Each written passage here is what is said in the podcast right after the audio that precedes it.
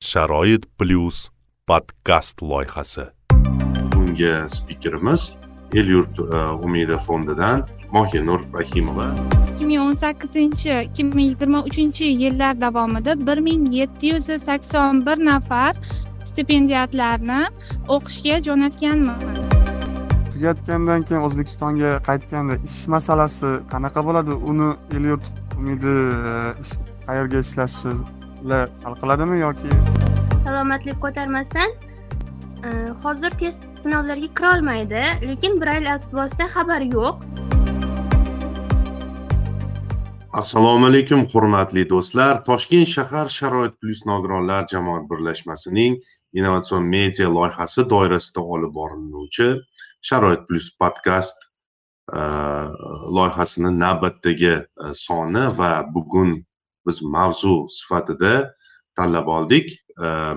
Nogironligi bo'lgan e, tadqiqotchilarni chet eldagi oliy ta'lim muassasalarida o'zlarini tadqiqotlarini olib borish uchun e, davlat tomonidan qanday e, yordam ajratiladi? Xususan el yurt umidi jamg'armasi tomonidan mana shu yo'nalishdagi urinishlar qanday yo'sinda qo'llab quvvatlanadi va e, qanday qilib moliyalashtiriladi? E, shu to'g'risida gaplashamiz. Bugungi spikerimiz el yurt e, umidi fondidan mohinur rahimova. Assalomu alaykum mohinur. Assalomu alaykum. Ulug'bek aka assalomu alaykum hammaga. Qimmatli vaqtingizni ayamasdan e, bizni podkastimizda ishtirok etishga rozilik bildirganingiz uchun avvalambor e, minnatdorchilik bildiraman. E, umuman el yurt umidi haqida ya'ni fondni umuman faoliyati haqida umumiy bir chizgilarni bizga ma'lumotlarni bersangiz chunki ko'pchilik mana shu nogironligi bo'lgan shaxslarda axborotni qabul qilish bilan bog'liq ayrim bir muammolar borligi sababli e, bir qancha e, ma'lumotlarga ega emasmiz va mana shu yaxshi imkoniyatdan foydalanib umuman fondni e, tarixi fondning kechasi va buguni haqida ma'lumotlarni qo'lga kiritsak judayam minnatdor bo'lardik. Bo'ladi. Assalomu alaykum qadrli tinglovchilar. El yurt umidi jamg'armasi yetakchi mutaxassisi e, rahim va mohinur bo'laman. Ho'p el yurt umidi jamg'armasi haqida gapiradigan bo'lsam el yurt umidi jamg'armasi ikki ming o'n sakkizinchi yil yigirma beshinchi sentyabrda tashkil topgan ellik besh qirq besh prezident farmoni orqali va ikki ming o'n sakkizinchi ikki ming yigirma uchinchi yillar davomida bir ming yetti yuz sakson bir nafar stipendiyatlarni o'qishga jo'natganmiz. Bu o'qishga jo'natiladigan stipendiyatlar top uch yuztalik universitetda tahsil olgan va hozirda besh yuz nafarga yaqini qaytib kelgan. El yurt umidi jamg'armasi stipendiyatlari nafaqat sog'lom insonlar balki nogironligi bo'lgan shaxslar uchun ham alohida imkoniyat yaratgan. Har yili yigirma nafarga e, yigirma nafar nogironligi bo'lgan shaxslar uchun alohida o'rinlar ajratilgan. El yurt umidi jamg'armasi stipendiyati bo'lish uchun nomzodlar bakalavriat magistratura va doktorantura yo'nalishlarida tahsil olishni e, istaklarini bildirishlari kerak bo'ladi.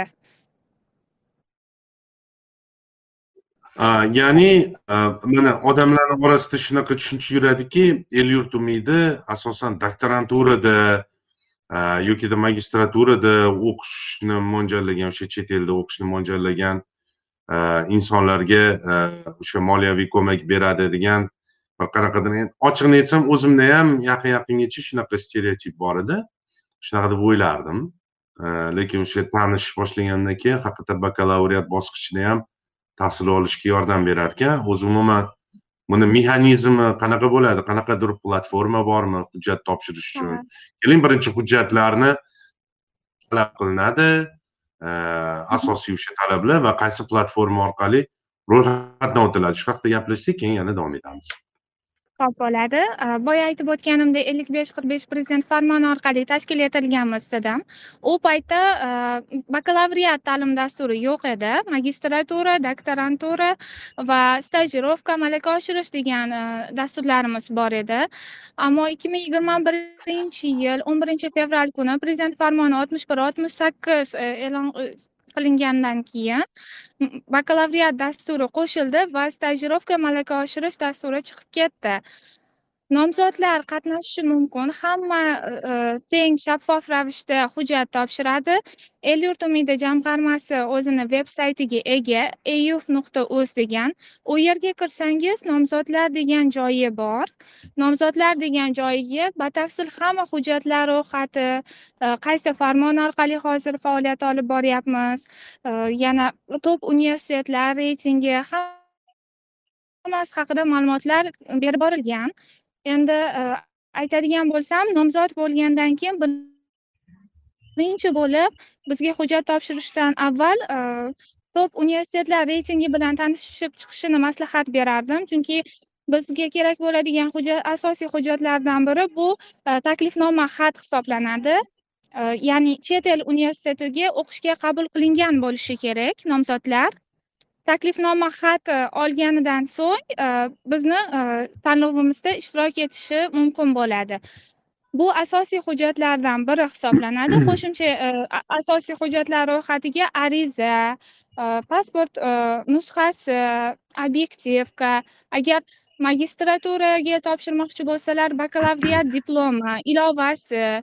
Agar bakalavriatga topshirmoqchi bo'lsalar e, maktab e, bitirganlik haqida guvohnoma yoki litsey kollejni diplomi kerak bo'ladi. Doktorantura bo'lsa e, magistratura diplomi ilovasi kerak bo'ladi.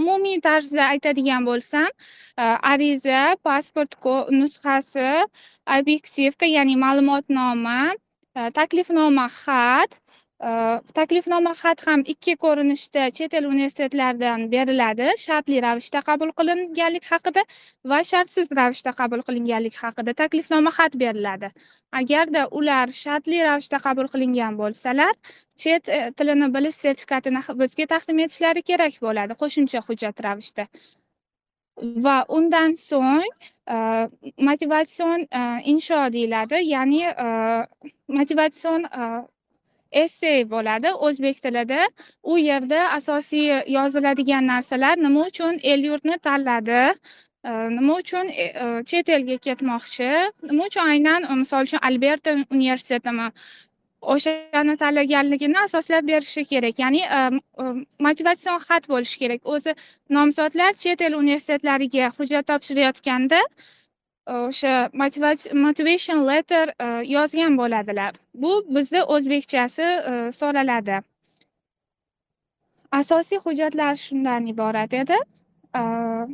Agarda magistratura doktoranturaga topshirmoqchi bo'lsalar qo'shimcha ravishda ularda kerak bo'ladi maqolalar ro'yxati. Chunki magistratura o'qiyotganlarida albatta maqolalar chiqargan bo'ladilar. Doktoranturada shu majburiy ro'yxatda bo'ladi.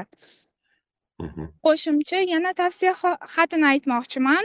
Tavsiya xati bu doktoranturaga topshirmoqchi bo'lsalar mavzulari dolzardligi to'g'risida tavsiya xati ham biz so'rab olamiz tavsiya xati bu ma'lum bir o'sha tashkilot muassasa nomidanmi yoki qandaydir bir olim masalan shu yo'nalishda faoliyat ko'rsatgan bir ilmiy darajaga ega insondan ha ha shunday bo'ladi misol uchun aytadigan bo'lsam endi o'zimdan kelib chiqib aytadigan bo'lsam doktoranturaga o'qimoqchi bo'lsam magistraturani iqtisodiyot universitetida tamomlagan bo'lganim uchun borib dekanimdan olishim mumkin tavsiya xatini yoki prorektorimizdan shu mavzuyim dolzardligi bo'yicha tavsiya bera olasizmi deb.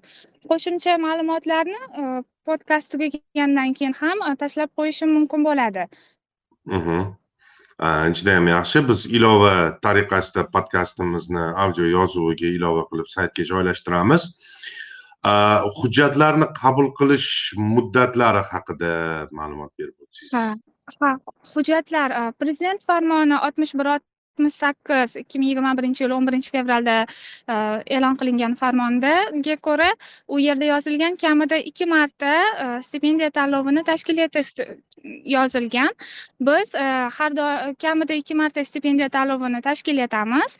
Mana bu yilgi ikkinchi stipendiya tanlovimiz o'ninchi oktyabrda e'lon qilindi.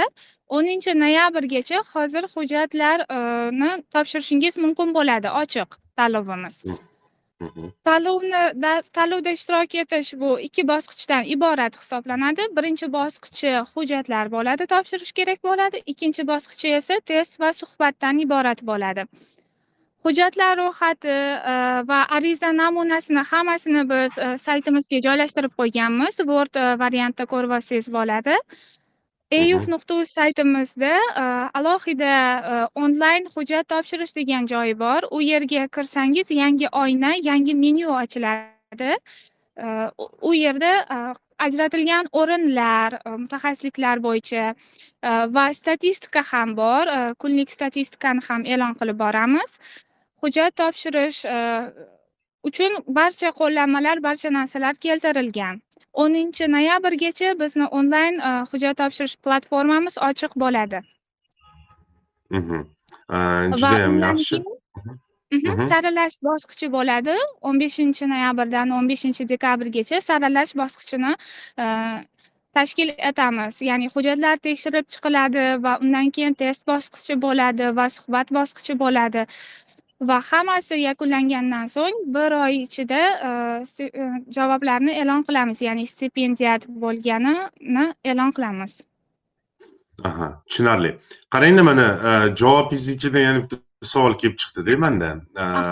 Misol uchun siz aytyapsiz o'sha chet eldagi top uch yuztalikka kirgan universitetdan deylik taklif xatini olish kerak ya'ni qabul qilinishi to'g'risidagi o'sha xatni olish kerak deyapsiz o'z o'zidan endi o'sha yerni qandaydir saralashlardan tanlovlardan o'tgan odamga beriladi endi bunaqa xatlar to'g'rimi? Albatta. Albatta. lekin aytyapsiz masalan ikkinchi bosqich bo'ladi o'sha hujjatlardan keyin test va suhbat bo'ladi deyapsiz. Bu test va suhbatni mayli tushundik balki ilmiy ishini mavzusiga bag'ishlangan mavzuda suhbat bo'lishi mumkin lekin test e, qanaqa bo'ladi?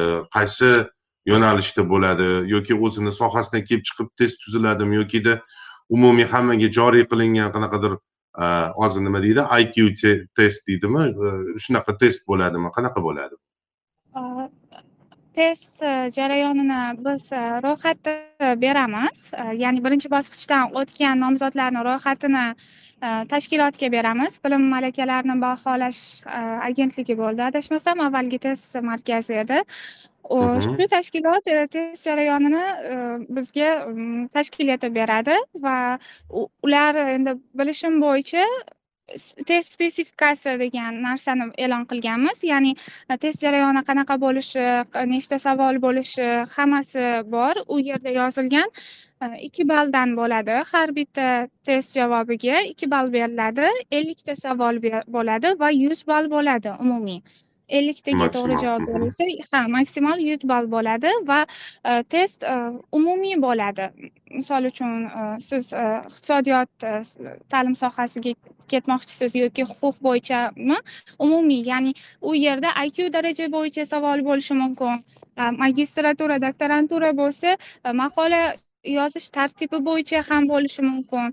Lekin shuni aytib o'tishim kerak o'zbek tilida bo'ladi va umumiy savollar bo'ladi.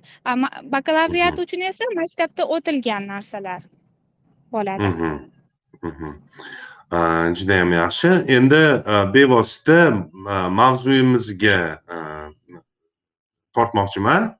Suhbatimizni mana o'zbekiston respublikasi prezidentini ikki ming yigirma birinchi yildagi yigirma birinchi dekabrdagi ellik yettinchi sonli qaroriga asosan har yili yigirma nafar nogironligi bo'lgan e, insonlar fuqarolar e, chet eldagi o'sha oliy ta'lim muassasalarida e, tahsil olishlari el yurt umidi jamg'armasi tomonidan moliyalashtiriladi deb belgilab qo'yilgan. Nogironligi bo'lgan shaxslar uchun qanaqadir qo'shimcha talablar bormi hujjatlarda yokida misol uchun o'sha ikkinchi bosqichda qanday qo'shimcha sharoitlar yaratiladi. Masalan deylik e, ish bo'yicha nogironligi bo'lgan e, yurtdoshlarimiz bor e, ular uchun imo ishora tili tarjimonlarimi yokida ko'z ojizlar uchun brayl yozuvidagi o'sha materiallarmi? Bu masalalar bo'yicha qanday bizda holat? Bu bo'yicha bizda har yili e'lon qilingan tanlovni kvotasida yigirmata o'rin ajratilgan e, har yili e'lon qilganimizda shu nogironligi bo'lgan shaxslar ham e, qatnashadi. Ular suhbat jarayoniga kelganda imtiyoz bo'ladi. Chunki biz e, alohida yigirmata o'rin ajratdik deb kvotalarni bo'lolmaymiz chunki mutaxassisliklarimiz yigirmatadan ko'pda agarda iqtisodiyot huquq san'at deb asosiy sohalarga bittadan o'rin berganimizda ham qolganlari qolib ketadi.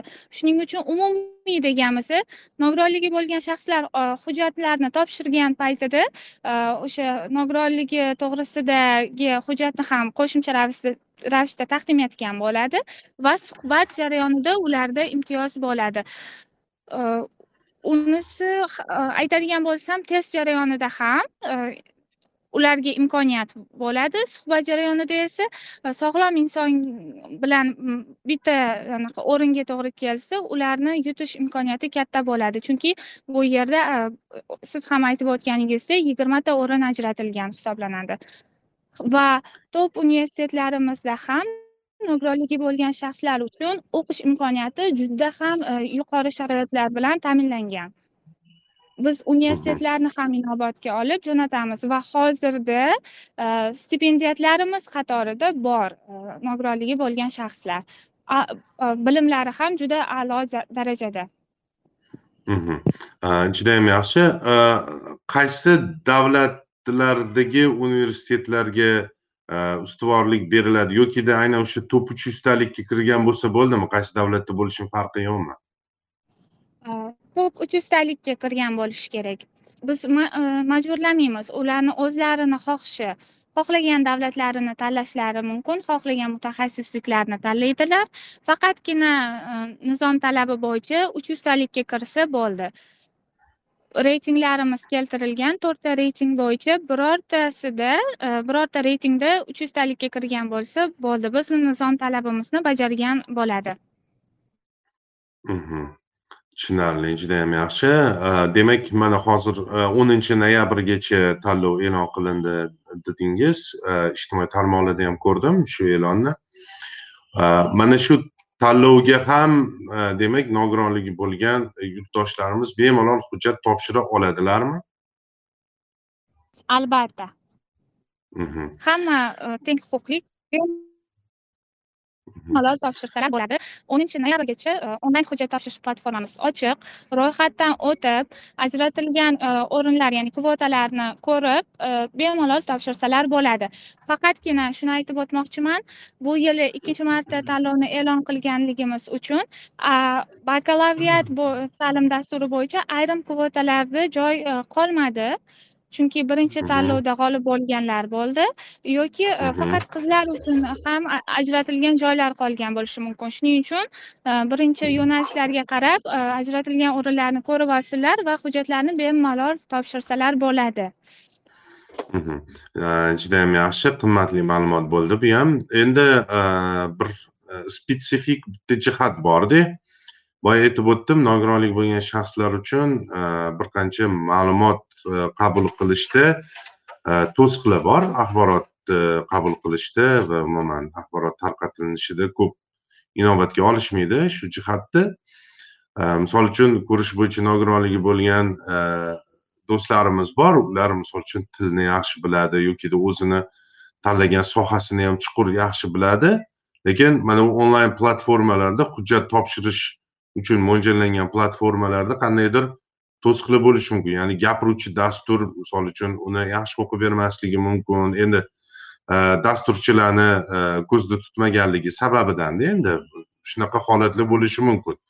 E, shunaqa bo'lishi mumkinmi? Misol uchun agar shunaqa to'siqlarga uchrashsa ularga bir qanaqadir ishonch raqamimi? Qanaqadir yo'l orqali bir yordam so'rashligisi kerak bo'lib qolsa agar yordam zarurat bo'lib qolsa hujjatlarni ro'yxatdan o'tkazishda albatta mani telefon raqamim sizda bor. Bemalol berishingiz mumkin. Qanaqadir yordam kerak bo'lsa har doim bizni bo'lim xodimlarimiz bilan qo'ldan kelgancha yordam beramiz. To'g'ri aytdingiz bizda onlayn hujjat topshirishda ovozli yo'riqnoma yo'q. Shu sababli bemalol man yordam beraman. Qo'ldan kelguncha va rahbariyatimiz bilan ham bu masalani yaxshi aytdingiz. Bitta maslahatlashib ko'raman. Savollar bo'lsa agarda manga murojaat qilaverishsin yordam beraman hujjat topshirishi bo'yicha qo'limdan kelguncha. Yana qabulxona raqamlarimiz ham bor. Yetmish birlik kodi ikki yuz uch o'n to'rt qirq bir birorta bir savol bo'lsa qizlarimizga javob e, qizlarimizga aytsalar javob beradilar. Judayam yaxshi rahmat. E, hozircha mandagi savollar e, o'z nihoyasiga yetib turibdi. Endi tinglovchilarimiz tomonidan beriladigan savollarni qabul qilishib boshlaymiz. Ho'p mirsaid muxtorov qo'l ko'targan ekanlar marhamat. Mirsaid. Assalomu alaykum e, hurmatli e, podkast qatnashchilari. E, ismim mirsaid. Hozirgi paytda jahon iqtisodiyoti diplomatiya universiteti xalqaro huquq fakulteti to'rtinchi bosqich talabasiman. Bizda ham shu keyingi yil chet elda o'qish niyatimiz bor edi.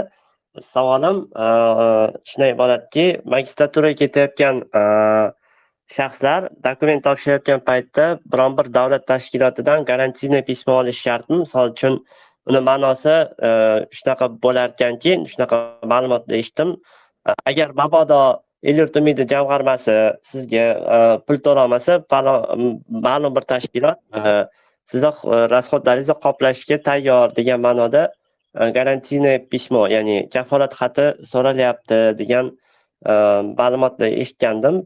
Bu bo'yicha ozgina ma'lumot bersangiz demoqchi edim. И ikkinchisi adashmasam e, boya e, aytib o'tdingiz e, hujjat topshirish jarayonida shartli va shartsiz qabul qilindi agar shartli qabul qilingan bo'lsa alts ya'ni tilni bilish malakasi sertifikati so'raladi qolgan paytda so'ralmaydi to'g'ri tushungan bo'lsam hujjat topshirilayotganda ellik yurt jamg'armasiga rahmat kattakon javob uchun.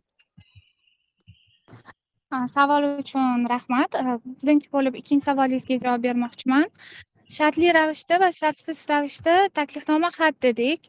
Shartli ravishda qabul qilinishingiz mumkin. Qaysi hollarda qachonki siz to'rtinchi kurs bo'lib chet elga magistraturaga hujjat topshirsangiz endi ko'pincha holatda aytadi e, o'qish boshlanguncha bakalavriat diplomini bizga yuklang va taqdim eting deb qolishi mumkin yoki e, agarda sizni til sertifikatingiz past bo'lsa chet el universitetida misol uchun ular yetti chet tilini bilish sertifikati ielts talab qilgan bo'lsa sizda olti yarim bo'lsa ham ayrim universitetlar sizni talabalikka qabul qilaveradi shartli ravishda qabul qilindingiz lekin mana ikki oy chidamli o'qish boshlangunicha sertifikatni yangilab yetti ya'ni talabimizga mos qilib e, jo'nating yoki yuklab qo'ying deyishlari mumkin bo'ladi. Agarda bu holatda siz e, taklifnoma xat bilan bizga qatnashayotgan bo'lsangiz bizda o'sha chet tilini bilish sertifikati yuklashingiz kerak bo'ladi majburiy bo'ladi sizga. Chunki shartli ravishda ya'ni conditional letter conditional offer e, yuklayapsiz. Agarda sizga unconditional yoki ya'ni shartsiz ravishda qabul qilingan bo'lsangiz chet tilini bilish sertifikati yuklash majburiy emas. Yana aytib o'tmoqchiman qo'shimcha ravishda chet tilini bilish sertifikatlari ro'yxati bor o'zbekistonda tasdiqlangan. Qo'shimcha ya'ni duolingo va shunga o'xshagan sertifikatlar bizni o'zbekiston hududida o'tmaydi. Shuni ham aytib o'tmoqchiman. Ro'yxat bo'yicha e, ielts toeflmi yoki e, topikmi shunga o'xshash chet tilini bilish sertifikatlarini yuklashingiz kerak bo'ladi. Va birinchi savolingizga keladigan bo'lsak e, siz moliyaviy kafolat xatini ozgina noto'g'ri ma'lumot berilibdi. El yurt umidi jamg'armasi stipendiyati bo'lganingizdan keyin sizni hamma xarajatlaringiz qoplab beriladi.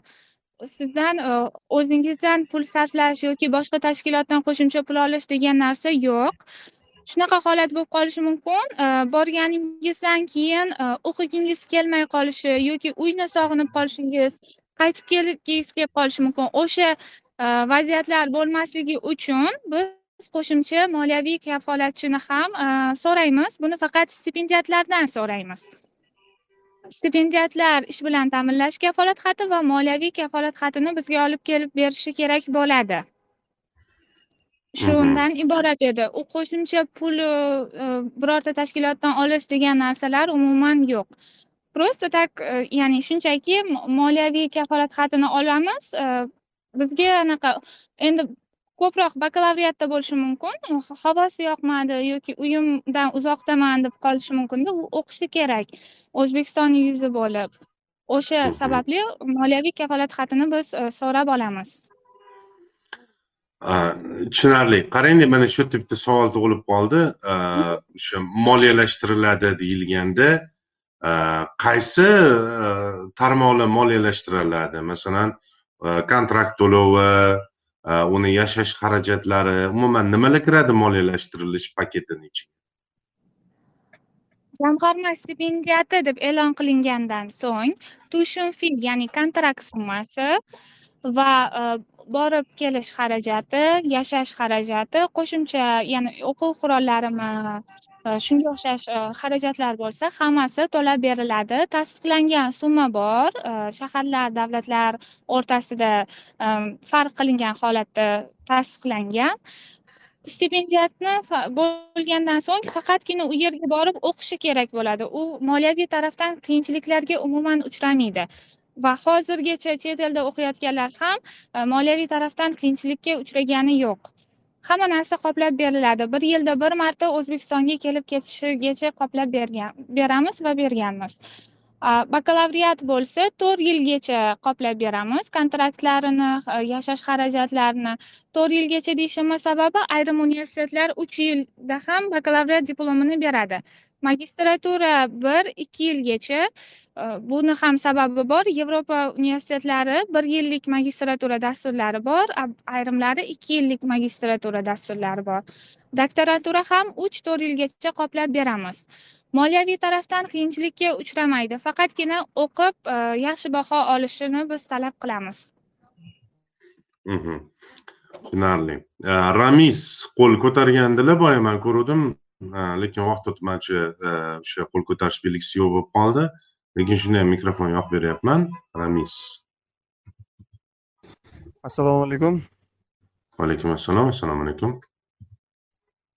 Mani savolim bunaqa ediki o'tgan safar bir el yurt umidi jamoat fondiga qiziqib ko'rganimda qanaqadir o'sha inshomi topshirish kerak degandaqa eshituvdimda shu suhbatdan o'tishdi jamoat fondiga shu haqida ozgina bir ma'lumot berib o'tsanglar iloji bo'lsa. Ha esse yozish haqida yana savol tushyapti. Motivatsion xat yozish bo'yicha aytadigan bo'lsam onlayn hujjat topshirish platformamizga kirganingizda o'zi eng menyuni eng pastida yozib qo'yilgan essay yozish bo'yicha tavsiyanoma degan joy bor. U yerga kirsangiz batafsil ma'lumot berilgan asosiy narsa shu nima uchun chet elni tanlab olsiz ya'ni motivatsiya motivatsion inshoda bu o'z nomi bilan bizga bizni ruhlantirishingiz kerak. Nima uchun sizni tanlashimiz kerak? Va maqsadlaringiz qanaqa? Qaytib kelib qaysi tashkilotda ishlamoqchisiz?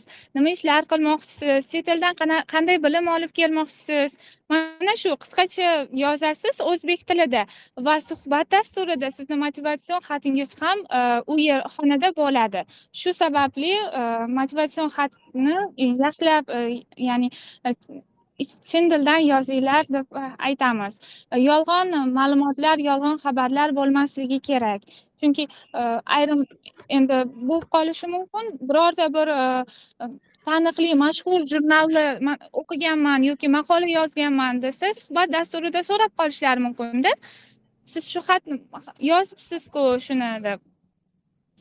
Shuning uchun motivatsion xatni o'zingizdan kelib chiqib kelajakdagi rejalaringiz bilan chiroyli tarzda o'rtacha ikki bet e, yozganingiz ma'qul. Tushunarli yana bitta savol bor edi maylimi? Marhamat.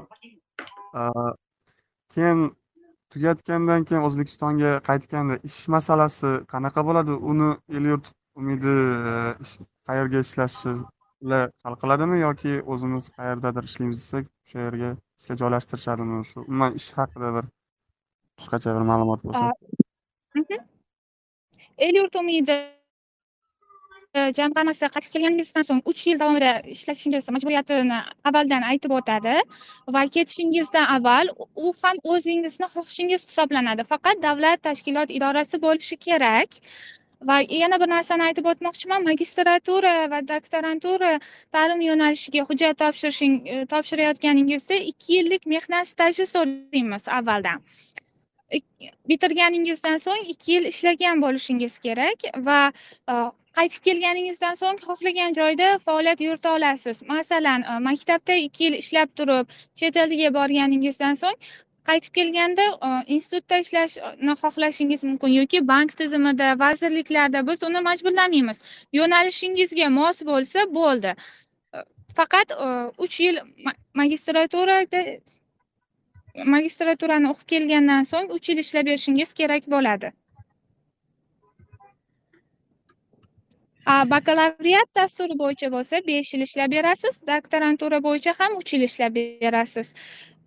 Ketishingizdan oldin to'rt tomonlama shartnoma qilinadi. To'rt tomonlama shartnomada ish beruvchi tashkilot ham e, ishtirok etadi.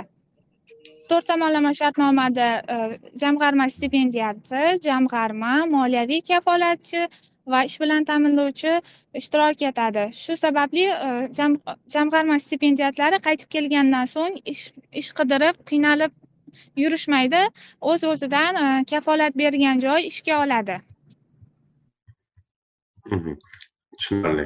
A, abdunodirga mikrofon yoqib beruvdim. Assalomu alaykum yaxshimisiz ulug'bek aka. Assalomu alaykum. Mhm. Eh, mana bunaqa suhbat tashkil qilganingiz uchun hozir mana magistraturada ulug'bek akani xabari bor birga tahsil olyapmiz. Aloqa sifati yaxshi emas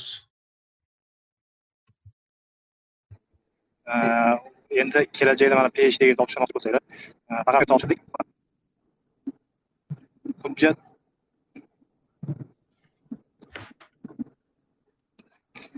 Aloqa sifati judayam yomon aha marhamat judayam yomon aloqa sifati abdunodir maylimi man qo'shimcha ma'lumot bersam marhamat ikki shu savolni bermoqchidilar magistratura va doktorantura ta'lim dasturida qatnashish uchun avval hozirgina aytib o'tdim ikki yillik mehnat stajini so'raymiz talab etamiz deb. Faqat shunday istisno tariqasi bor. Agar ular tanlov o'tkazish yo'nalishimiz e, to'rtga bo'linadi o'shanda bittasi bor ta'lim sog'liqni saqlash va boshqa ijtimoiy soha degan. Ta'lim sog'liq saqlash va boshqa ijtimoiy soha degan tanlov o'tkazish yo'nalishimizdan hujjat topshirsalar ikki yillik mehnat stajini biz talab etmaymiz. Qachonki qaytib kelib oliy ta'lim muassasasida ya'ni e, universitetlarda ishlab beraman desalar tavsiya xatini ham universitetdan oladilar. Magistratura bo'lsa tavsiya xatini olib mehnat staji degan joyga yuklaydilar. U universitet tavsiya xati beradi. Qaytib kelib ishga olish haqida va shu nomzodni qo'llab quvvatlashi haqida tavsiya beradi. A, doktoranturaga bo'lsa ikkita tavsiya xati olinadi. Bittasi ilmiy ishi bo'yicha bittasi mehnat staji bo'lmaganligi uchun va o'z o'zidan tavsiya xati olingan e, oliy ta'lim muassasasi ishga oladi. Shundan iborat edi. Mehnat staji bo'lmasa ham qatnashsalar bo'ladi faqat kelib oliy ta'lim muassasasida faoliyat yuritadilar asosiy stavkada. Mhm. tushunarli. A, oybek shodiyevga yoqib berdim mikrofonni oybek marhamat. Assalomu alaykum. Vaalaykum eshitilyaptimi? Assalom eshitilyapti Ha, marhamat savol avvalambor podkast uchun e, katta rahmat sizlarga mani savolim shundan iborat edi xullas e, hozirda o'sha el yurt umididan ketgan ko'rish imkoniyati cheklangan qanaqadir talabalar mavjudmi? Birinchi savolim. Man ikki ming o'n oltinchi yilda bakalavriat bitirayotgan paytimda o'sha germaniyani universitetlariga topshirib bavariyadagi ba'zi o'sha nimalarni ham olgandim shartli ravishda. Lekin e, elchixona tomonidan ketishga imkoniyat bo'lmagan edi ular berishmagan manga. E, man hozir e, doktorantura bosqichini tugatdim deyarli yakunlanib qoldi doktoranturam qaytadan o'sha doktoranturada matematika yoki iqtisodiyot sohasida o'qishni davom ettirmoqchi bo'lsam bizaga o'sha aynan o'sha ko'zi ojizlar uchun chunki oldin e, bo'lgan bizada hamroh so'ralganda siz qanaqadir bir o'zingiz ketolmaysiz hamroh bilan ketishingiz mumkin deyishgan. Shu haqda bizga to'liq ma'lumot berib yuborsangiz yaxshi bo'lardi. Aynan o'sha qolganlardan ko'ra ko'proq o'sha hozir ko'zi ojizlarga e, ketish imkoniyatini davlat tomonidan berish sal qiyinlik tomonlari ko'pda. Shuning uchun shu narsalarni agar e, imkon darajada aytib ya'ni bersangiz personal assistent haqida so'rayaptilar. Ha personal assistent haqida и o'sha umumiy imkon chunki bizada test topshirish imkoniyati ham misol mavjud emasku. Buni qanday tarzda tarzda hal qilishimiz mumkin? Rahmat oybek. rahmat savol uchun. Bizda nogironligi bo'lgan shaxslar avval ham aytib o'tdim. Hozirda dunyoni har xil mamlakatlarida tahsil olmoqda va ularni nogironlik guvohnomasini shaxsan ko'rganim yo'q. Ya'ni nogironligi bo'lgan shaxslar bor lekin qayerida qanday nuqsoni borligini to'liq bilmayman. Ro'yxati bor. Man ko'rib beraman. Xohlasangiz rahbariyatdan so'rab. Lekin bu masalada bir maslahatlashib ko'rishim kerakda. To'liq bilmas ekanman. To'g'risini aytsam imkoniyat beriladi. Hozir e, rahbariyatimiz o'tgan yili ham yil boshida chet el universitetlariga shaxsan tashrif buyurganlarida nogironligi bo'lgan shaxslar uchun qanday imkoniyatlar bor deb universitetlarni ko'rib chiqdilar amerika davlatiga bordilar. E, ular uchun alohida imkoniyat berilgan va e, sog'lom talaba bilan bir xil ravishda bir xil yuklamada o'qishi imkoniyati chet elda yaratilgan ekan. Shu narsalarni bilaman. To'liq yana bir marta so'rab aniqlashtirib beraman. E, Aniq qayerda nuqson borligini bilmayman stipendiyatlarimizni mhm. tushunarli. Demak man iltimos qilib qolardim tinglovchilarimizdan o'zinglarni user naminglarni ortiqcha belgilasiz. Ehm, to'g'ri yozishinglarni chunki manda ham ko'rish bo'yicha nogironlik bor va gapiruvchi dasturdan foydalanaman. Buni har podkastda qaytaraman lekin o'sha o'sha odamlar o'zgartirishmaydi ignor qilishyapti. Haligi so'z berayotganda kimga so'z berayotganimni aytolmayapman. Shuning uchun iltimos qilardim mana shu masalaga e'tiborli bo'linglar. Har xil belgilarni qo'yib tashlaysizlar. Bu mana gapiruvchi dastur har xil qilib o'qib tashlaydi uni o'zbek tiliga qanaqa tarjima qilishni ham bilmay qolganmiz. Bekzod bozorovga mikrofon yoqib berdim. Marhamat bekzod. Assalomu alaykum. Vaalaykum assalom marhamat savolim shunday iboratki bu magistrga topshirish uchun chet tilga ayni sertifikati kerakmi men tilim bo'yicha tilimga uncha nuqsonim borda shuning uchun sertifikat olinmayman olinganim yo'q. Shuni tushuntirib yuborsangiz bo'ladimi yo sertifikat olish kerakmi? Aha rahmat. Demak bular aytyaptilarki nutqda biroz nogironlik holati bor va sertifikat olishda muammo to'siq bor manda deyaptilar savolni uchun rahmat juda yam yaxshi savol bo'ldi. Biz chet el universitetlariga hujjat topshirganingizdan keyin taklifnomadan keyin hujjatlaringizni qabul qilamiz dedim ayrim universitetlar bor chet tilini bilish sertifikatini ular so'ramaydi. Chunki sizda maxsus guvohnoma bo'lganligi uchun ular shunday e, talabalikka qabul qilinishi mumkin. Ba'zilari esa so'rab qolishi mumkin. Bu universitetga bog'liq talabiga bog'liq bo'ladi. Unda siz universitetlarni e, uch yuztalik universitetlarni ro'yxatini ochib e, har biriga kirib talablarni bilan tanishib chiqishingiz kerak. Mana misol uchun e, rossiya universiteti ingliz tilini bilish sertifikati o'z o'zidan so'ramaydi rossiya davlatidagi. Ayrimlari esa o'zi ichki imtihon o'tkazadi suhbat dasturiga o'xshatib. Ular e, universitetni talablari borda biz hammasini bilmaymiz chunki e, bizga talabalik haqidagi mana bu talabalikka tavsiya etilgan taklifnoma xati bilan keladi nomzodlar. Tushunarli. Rahmat. Demak baribir shu universitetni asosan e, universitet tomonidan qo'yilgan talabdan kelib chiqilinar ekanda demak. Ha albatta. Chunki hamma universitet u yerda o'zini talabini qo'yadi hammani o'zini shartlari bor ayrimlari e, shunchaki suhbat o'tkazadi. E, shunaqa holatlar ham bo'lishi mumkin hujjatlarni o'zi yetarli bo'lishi mumkin. Biz hech nima deyolmaymiz ularni aniq talablariga. Bizga faqat taklifnoma xat kerak bo'ladi. Mhm. rahmat kattakon. Mohinur qadamingiz yengil kelibdi. Mani gaplarim odamlarga yetib bordi. Uchta nuqta qo'yib olgan edilar ismlarini yozibdilar dilshodaxon marhamat. E, dilshodaga yoqib berdim mikrofon. Marhamat dilshoda assalomu alaykum.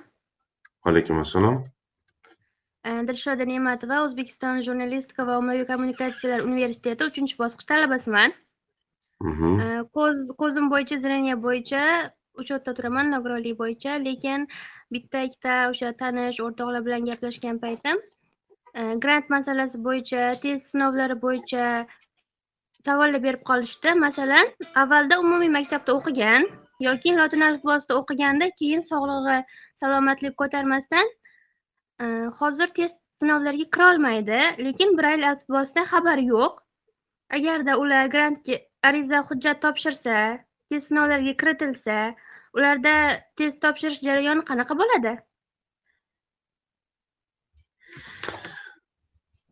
Ya'ni qo'shimcha sharhlamoqchiman. Savolni e, aytmoqchilarki mana ko'pchilik insonlarda nogironlik holati o'zi yokida e, bolalikdan bo'ladi yokida orttirilgan nogironlik holati bo'ladi va odatda o'sha yoshi katta bo'lgandan keyin e, nogironlik holatini orttirganda bir qancha qiyinchiliklarga e, duch kelinadi. Masalan o'sha brayl yozuvi bo'lishi mumkin imo ishora tili va hokazo.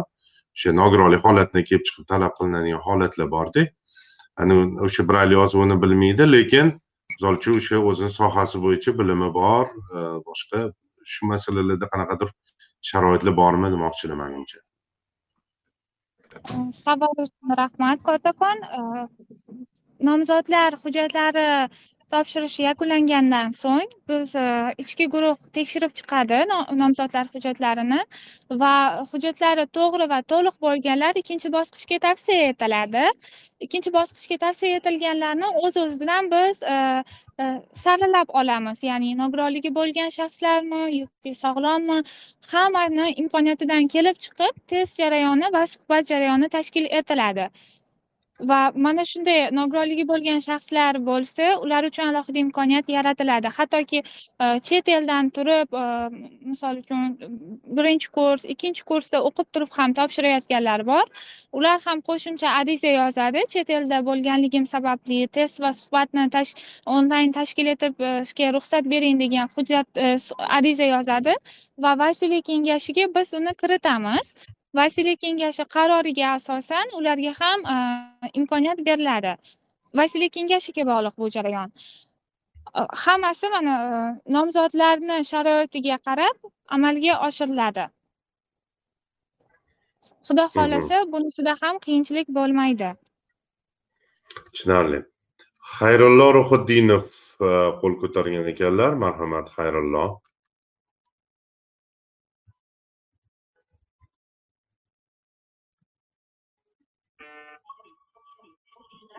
chiqib ketdilarmi deyman. Ho'p assalomu alaykum hammaga vaalaykum assalom xayrullo marhamat savolingiz mani savolim so'rab bo'lindi yana bitta aniqlash aniqlash kiritish kerak edi kichkinagina. Yana shundan so'rab o'tmoqchi edim hozirda man o'zbekiston davlat jahon tillari universitetida doktorantman. Man endi xohlardim ilmiy ishim bo'yicha faoliyatimni o'sha chet elni ma'lum bir universitetlarida davom ettirish aynan uch yuztalikka kirgan universitet tanlasam misol uchun doktorantlarda odatda ular oilali bo'lishadi. Misol uchun oilasi bilan ketishlari mumkinmi ular yoki oilani tashlab ketishi ham biroz mushkulku aynan nuclear family deydi o'zlarini o'sha ayoli va masalan farzandlari bo'lsa. Aha jamg'arma stipendiatlari oilasi bilan ham ketganlari bor lekin faqat biz stipendiyatni qoplab beramiz. Ha rahmat shuni bilmoqchi edim. qolgan xarajatlarni o'zlari xohlasalar bajarib oilalari bilan ketsalar ham bo'ladi. Faqatgina o'qish yakunlangandan so'ng qaytib kelib majburiyatlarni bajarishlari kerak bo'ladi. Ya'ni ishlab berishlari kerak bo'ladi. Ha. Rahmat kattakon. Rahmat. Xayrullo demak gulmiraga mikrofon yoqib berdi marhamat.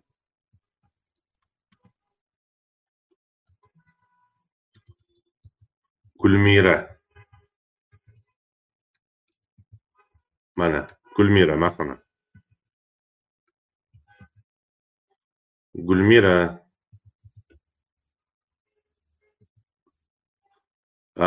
Ekranda quyida ko'k tugmacha bor. Mana shu tugmachani bossangiz mikrofoningiz yonadi. Assalomu alaykum yaxshimisizlar avvalambor va alaykum assalom ishni tashkil etganlarga rahmat ulug'bek aka anchadan beri sizni podkastlaringizni kuzatib boraman. Meni rahmat. mening savolim men ham qarz davlat universitetiga o'qib talaba bo'lib endi hozirgi kunda o'qituvchi bo'lib ishlab kelmoqdaman ikkinchi guruh nogironiman umumiy kasalliklar kasallik tarixi. Bunda esa men magistraturaga topshirmoqchi edimda. O'zimda ichki kasalliklar bo'lganligi uchun ikkinchi guruh nogironi bo'lganman. Hozirgi kunda ko'zim ham zrenasi ozroq murakkab ko'rish jihatdanda. Shuni ham qo'shib yozgan umumiy kasalliklar degan lekin magistraturaga aytis ololmaganman. Topshirsam отказ qilyapti. O'qishni lekin juda yam xohlayapmanda. Endi bugungi mavzuyimiz chet ellardagi oliygohlarga kirish masalasida bo'lyapti. Siz qaysidir o'sha chet mamlakatdagi universitetda o'qimoqchimisiz magistraturada? Bu qanaqa endi niyat? O'zimiz o'zimizda o'zbekiston hududida o'qimoqchimanda. Buni hozir eshitib tushunarli. Endi o'zbekistonda magistraturada o'qish bo'yicha biz alohida podkast qilganmiz avgust oyida edi adashmasam umuman magistratura va doktoranturada o'zbekistonda o'qish bo'yicha alohida podkastimizga mavzu olganmiz. Shuning uchun tavsiya qilardim o'sha podkastni eshitib chiqishingizni. Demak bebixonim ismli tinglovchimizga beryapmiz. Marhamat. Assalomu alaykum. Va alaykum assalom mani savolim shundan iborat edi ekan. Yuqorida bakalavrga o'qishga boruvchi talabalarni moliyaviy tomondan xarajatlari qoplab beriladi deb aytildi.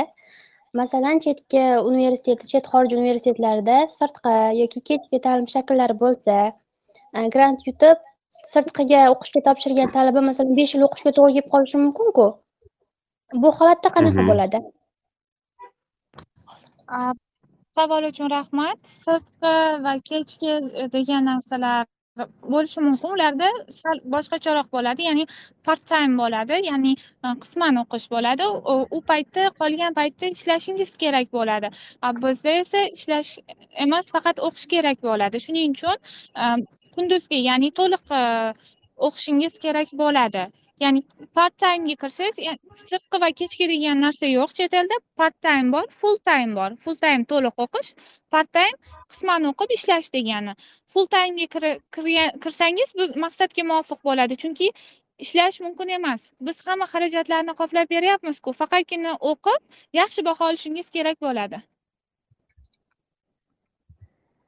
Yana savollar bormi shu masala bo'yicha chunki bitta oydinlashtiruvchi savol bermoqchi edimda demak el yurt umidi mablag'lari hisobidan o'qishga borgan o'sha stipendiyant deymiz ularga ishlash mumkin emasda to'g'rimi faqat o'qish bilan band bo'lishlari kerak bo'ladi ha chunki o'zi o'qish yuklamalari juda ham ko'p bo'ladi ular o'zi vaqt ham ajratish qiyin bo'ladi. Chet elda yuklama kredit degan narsalar bor mustaqil ta'lim qattiq e, nazoratga olganda judayam qattiq o'qishlari kerak bo'ladi. Shuning uchun ishlashni tavsiya bermaymiz.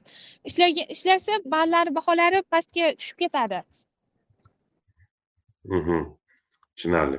Mardonov mehriddinga mikrofonni yoqib berdim. E, demak bizada e, o'n yetti qirq to'qqiz va o'n daqiqadan keyin to'g'risini aytsam podkastimiz bugun qisqa bo'ladi deb o'ylovdim. Nimagadir e, tinglovchilarimizni savoli ko'p va o'n daqiqadan keyin yakunlaymiz. Manimcha e, yana shu tinglovchimiz bilan qo'shganda uchta tinglovchidan savollarni qabul qilamiz keyin e, yakunlaymiz podkastni. Mardonov mehriddin marhamat. Assalomu alaykum yaxshimisizlar va alaykum assalom marhamat. Savolingizni savolim bor edi. Men ikkinchi guruh nogironiman kuz bo'yicha har yili bir davolanib turamanda gruppa olaman men o'qishga chetga ketsam shu davolanib turishim nima bo'ladi? U keyin gruppalarga uzilib qoladimi? Shu savolga javob kerak. Judayam yaxshi savol bo'ldi deb o'ylayman. Chunki o'zbekiston respublikasi hukumatini kafolatlari bor nogironligi bo'lgan shaxslarga. Ya'ni ular misol uchun har olti oyda Э, tibbiy э, davolanishdan o'tib turishadi. Э, umuman orderlar beriladi. Bepul tibbiy ko'rik umuman shunaqa amaliyotlardan davlat tomonidan o'tishadida. Qanaqadir bir haligi страховка deydiyu sug'urta va hokazo shunga o'xshagan yo'nalishlarda ham moliyalashtirish amalga oshiriladimi? Shuni so'ramoqchilarda mm-hmm.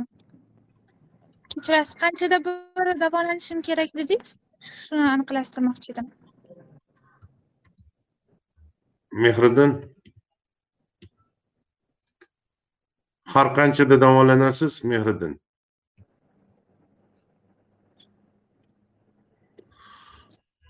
Mehriddin. Endi o'zi odatda bir yilda bir marta ko'pchilik an'ana bo'lgan lekin har olti oyda ham davolanish olib turadigan nogironligi bo'lgan shaxslarimiz bor. Aha tushunarli. Studentlarni o'zini sug'urtasi bo'ladi u yerda. Ha- hamma studentlarni sug'urtasi bor. Belgilangan miqdorda ularda ham e, yordam ko'rsatiladi tibbiy yordam e, universitet studenti bo'lganingizdan keyin. Va hozir so'raganim sababi bir yilda bir marta o'zbekistonga kelishlari mumkin. O'sha paytda davolanishni ham e, mana o'zbekistonda tekin ekan qo'shimcha uni ham olib ketsalar bo'ladi. Demoqchi edim. Biz ani Tushunarli. o, borib kelish xarajatini bir yilda bir marta qoplab beramiz. Agar ular ikki yillik uch yillik to'rt yillik o'qishga kirgan bo'lsalar. Tushunarli. Katta rahmat. Temurjon uzoqov yoki temurjon uzoqovmi? Marhamat temurjon uzoqov yoqdim mikrofonni temurjon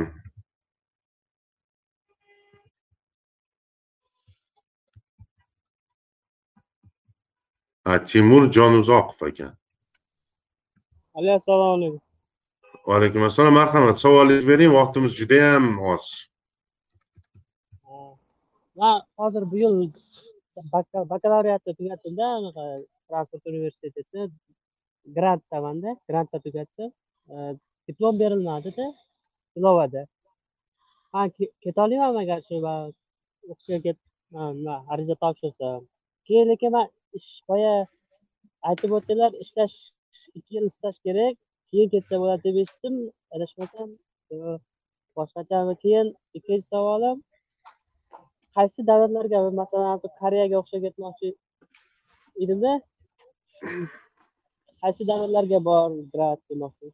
Shundan iborat edi savolim aha tushunarli bular demoqchilarki haligi bakalavrda grant ya'ni davlat granti asosida bitirgandan keyin original hujjatlar berilmaydiyu haligi nusxasi beriladi. O'sha bilan ham topshirsa bo'ladimi demoqchilar A, bu universitetga bog'liq. O'zi universitetlar diplomni yuzini emas baholarni so'raydi.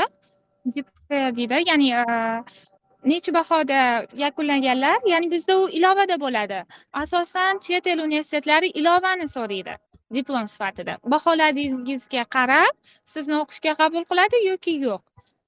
Birinchi bo'lib chet el universitetiga hujjatlaringizni topshiring va sizda qo'shimcha ravishda ko'chirma yoki elektron nusxada diplom bo'lishi kerak.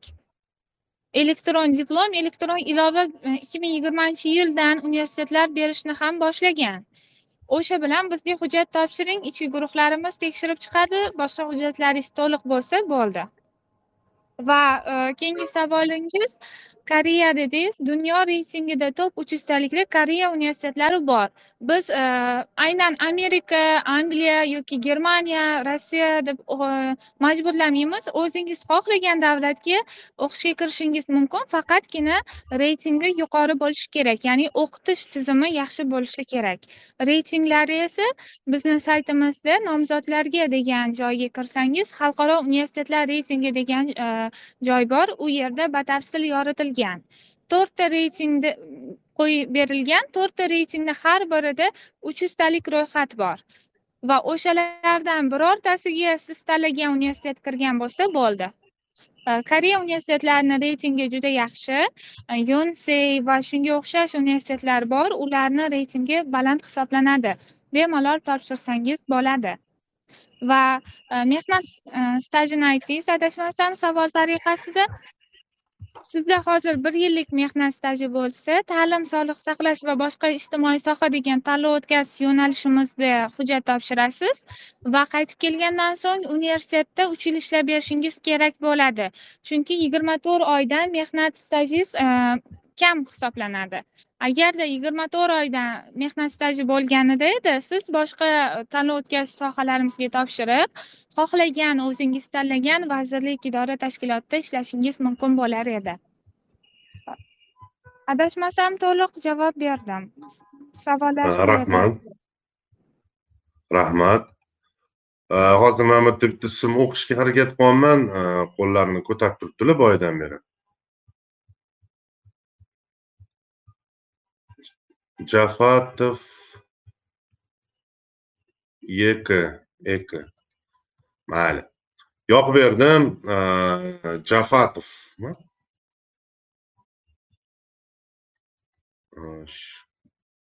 marhamat. Assalomu alaykum. Assalomu alaykum. Джафарбек. Большими буквами там написано просто. Э, Я рекомендую вам подписаться, если на следующих подкастах, потому что это очень сложно э, распознавать всё. такие юзернеймы. Всё. Да. Не, это Мгм. же просто большими э, этими написано и все. Да, есть. Ассаламу После подкаста вы не удаляйтесь, я вам этот объясню потом, почему. Хорошо, Мгм, хорошо. Пожалуйста. Yevropa yaxshimisiz? mansur so'ramoqchi edim, tag dunyoning hay uch yuzta nimasida bor ekan, institutlari bor ekan. Значит, man hozir o'qiyapman bakalavr grantda. to'rtinchi bosqich boshlandi birinchi semestr hozir bizaga sirtqida o'qiyapman lekin ham ishlayapman уже o'n yildan ortiq stajim bor hozir man qolgan ikki yilini boshqa chet el davlat universitetiga o'qish uchun hujjat topshirsam bo'ladimi yoki yo'qmi endi bu перевод deyiladimi endi man bilmadim как можно это buni aytiladi shunisini man bilmoqchi edim. Demak, fond mablag'lari hisobidan o'qishni ko'chirib davom ettirish mumkinmi demoqchilar. yo o'z hisobimdan emas Hmm, shunaqa dedingiz-ku hozir. yo yo o'z hisobimdan emas просто birinchi Fond hisobidan, fond hisobidan o'qishni ko'chirmoqchisiz deyapman. da da fond hisobidan ha Mhmm. savol uchun rahmat. Fo- fond hisobidan transfer mavjud emas ya'ni o'qishni ko'chirish transfer bo'ladi. Chunki top universitetlar baribir boshidan o'qitadi birinchi kursdan o'qitadi. Bizni universitetlarimizni e, baholari kreditlari ularnikiga mos bo'lmasligi mumkin. Ularni o'zini talablari boshqacha. Shu sababli bizda transfer mavjud emas. O'zingiz ham universitetlarga e, taklifnoma olish uchun topshirib ko'ring. Baribir e, ko'p top uch universitetlar xohlamaydi отказ qiladi. Shu sababli topshiring bakalavriatga. Yoki magistraturaga yoki doktoranturaga.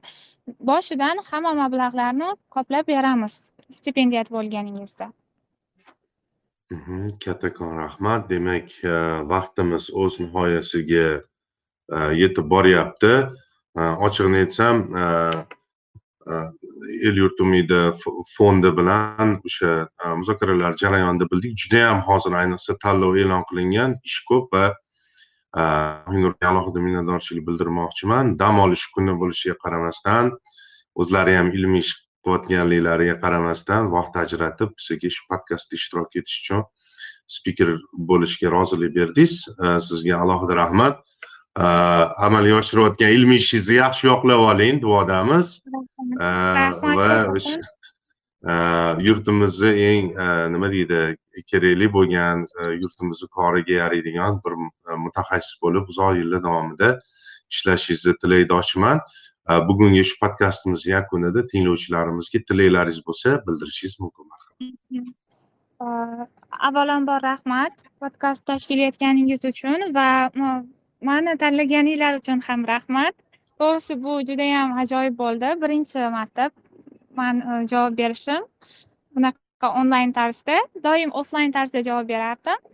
E, juda savollar qiziq bo'ldi. Juda juda menga e, yoqadigan va o'zim uchun ham bir ikkita savollar tug'ildi borib aniqlashtiradigan bo'ldim. Vaqt judayam tez o'tib ketdi deya olaman chunki olti bo'lib qolibdi. Savolga javob ololmaganlarga aytadigan bo'lsam bizni telegram e, kanalimiz bor rasmiy.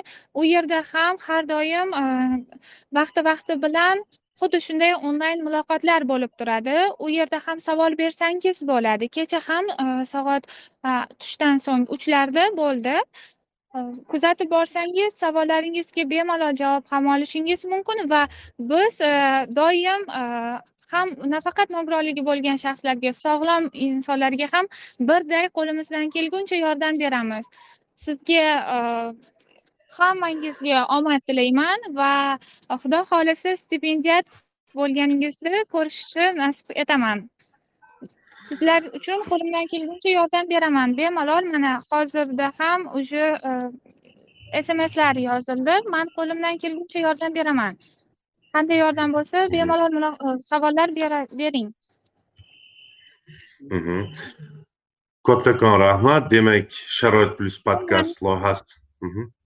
marhamat hammani o'qishlariga ishlariga rivoj omad tilayman. Rahmat kattakon Uh, demak bugungi spikerimiz el yurt umidi fondi bosh mutaxassisi yetakchi mutaxassisi mohinur rahimova bo'ldilar Э, tanlov stipendiyalar e, ta'lim stipendiyalarini tanlovlarini tashkil etish bo'limi e, mutaxassisi e, va bizga qimmatli ma'lumotlarni berdilar bugun. Yana bir karra minnatdorchilik bildiramiz. Podkastlarimizda qanday mavzularni olib chiqishimizni xohlaysiz?